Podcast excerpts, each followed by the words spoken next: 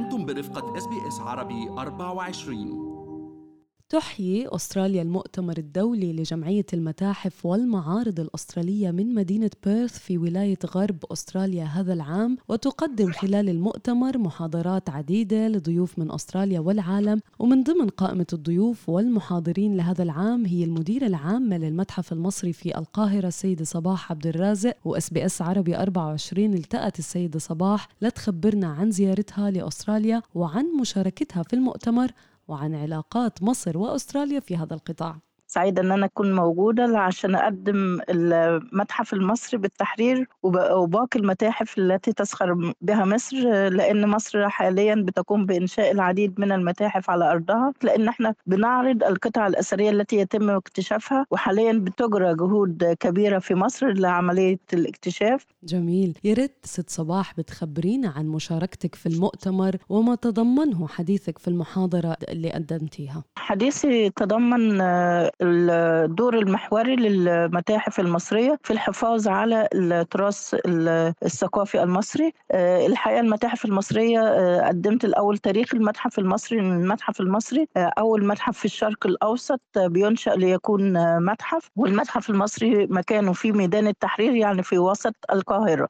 تم الانتهاء من إنشاء المتحف المصري عام 1901 وتم افتتاحه عام 1902 وهذا العام بنحتفل بمرور 120 سنة على افتتاح المتحف المصري بتحرير. عرفتيهم بالمؤتمر على تاريخ بناء المتاحف واستخراج يعني هذه الأثار أو الكنوز وطريقة عرضها. يعني حابة كمان تقولي لنا عن العلاقات الأسترالية المصرية في قطاع الأثار والأبحاث التاريخية المتعلقة فيها ويمكن كيف بيدعم كلا البلدين تطور القطاع والحفاظ على الآثار في كل منهما.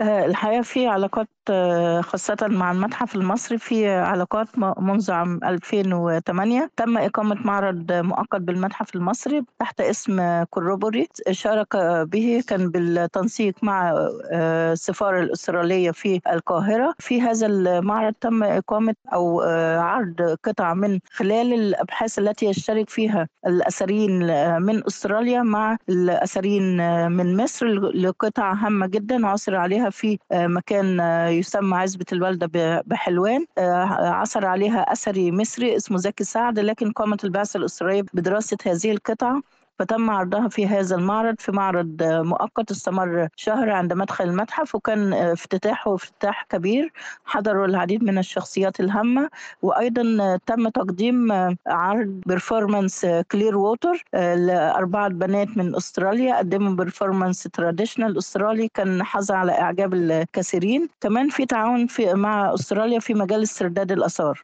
في عام 2012 تم استرداد قطع أثرية من مصر ساعدت السلطات الأسترالية في استرداد مصر لهذه القطع بعد ضبطها هنا في أستراليا. وأيضا في عام 2017 تم عمل معرض مؤقت عن قطع أيضا تم استردادها من أستراليا. حضرها السفير الأسترالي في القاهرة وأيضا حضرها سفير النمسا لأنه أيضا كان تعاون مشترك بين أستراليا والنمسا لإقامة هذا المعرض بالمتحف المصري. أيضا بيتم حاليا بالتعاون مع السفارة الإسرائيلية في المتحف المصري عرض قاعة الحياة اليومية بالمتحف المصري. الحقيقة القاعة ديت هي بتشمل مختلف نواحي أو القطع اللي بتعبر عن الحياة اليومية في مصر القديمة ومنها عصا الصيد أو عصا الرماية ولذلك سوف يتم مع القطع التي يتم عرضها عرض اثنين من بوميرانج الأسترالية ديت تم مبادلتهم في عام 1910 مع قطع عصا صيد مصرية للمتحف سيدني بأستراليا. جميل جدا إنه نشوف يعني البومرينج الأسترالية تنعرض في المتاحف المصرية. حضرتك ذكرتي إنه أستراليا ساعدت مصر لاسترداد بعض يعني القطع الأثرية ولكن إذا بدنا نحكي عن حديث الساعة في هذا القطاع حابه أعرف تعليقك عن ما يقال عن ادعاءات تهريب الآثار المصرية اللي اختفت عقب ثورة يناير كانون الثاني 2011 وذكر إنه يعني كما تواردت وسائل التواصل والمواقع الإعلامية الإعلامية أنه تم بيعها لمتحف لوفر أبو ظبي من خلال وسيط يعني كما جاء في الإعلام فما هو موقف مصر الآن من التحقيقات الأخيرة مع مدير متحف اللوفر السابق في فرنسا؟ الحقيقة في يعني لجنة الآثار المستردة أو إدارة الآثار المستردة في الزمالك في وزارة السياحة والآثار بتتابع الموقف لأن إذا خرجت هذه القطع بطريقة غير شرعية لابد أن ترجع إلى المتحف المصري ولذلك تتابع التحقيقات بصفة مستمرة وتتواصل مع الجهات حتى يتم حصول مصر إذا خرجت هذه القطع بطريقة غير شرعية لابد أن ترجع إلى مصر.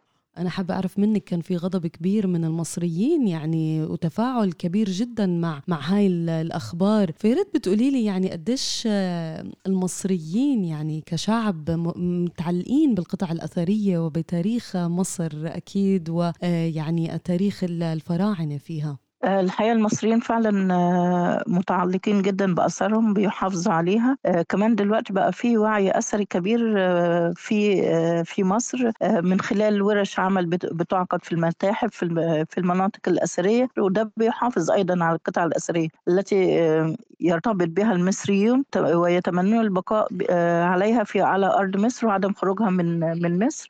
في عام 2011 أثناء حدوث الإضطرابات تمكن بعض أشخاص آه، من آه، اقتحام المتحف المصري وسرقة آه، حوالي 54 قطعة من المتحف المصري. أيضا تمكنوا من اقتحام بعض المناطق الأثرية وسرقة بعض الآثار منها. من قطع المتحف المصري تم عودة حوالي 39 قطعة منها لكن لازال حوالي 19 قطعة لازالت مفقودة. لكن تم الإبلاغ عنها بأوصافها وصورها والقطع الأثرية في الانتربول الدولي حتى يتم العثور عليها. إعادتها إلى مصر. لذلك بتعمل مصر جاهدة أن القطع التي آه، تم سرقتها في 2011 هي مبلغة عنها بالكامل التي كانت مسجلة. نعم سيدة صباح. كمان يعني خلينا نرجع إلى عملك الرائع في تنظيم برنامج تعليمي للأطفال خلال فترة الإجازة الصيفية يعني في مصر لربط المناهج الدراسية بالقطع الأثرية أيوة. المعروضة بالمتحف. يا ريت تحكي لنا شوي عن هذا البرنامج. فعلا في في المتحف المصري عندنا القسم التعليمي وكمان عندنا متحف الطفل. المتحف الطفل والقسم التعليمي يقومون بتقديم المتحف للأطفال وربطه بالمناهج الدراسية. يعني الأطفال اللي في المرحلة الابتدائية يتم معرفة المناهج التي يدرسونها والقطع التي يدرسونها. وعندما يأتون في زيارة إلى المتحف المصري نقدم لهم هذه القطع. تقديم كمان مش بس ربط المناهج بالقطع الأثرية أيضا تعليم اللغات اللغة المصرية القديمة تعليم الكتابة الهيروغليفية للأطفال حتى يستطيعون التعرف على الكتابة المصرية القديمة ويتعلمونها هل تريدون الاستماع إلى المزيد من هذه القصص؟ استمعوا من خلال Apple Podcasts، Google Podcasts، Spotify أو من أينما تحصلون على البودكاست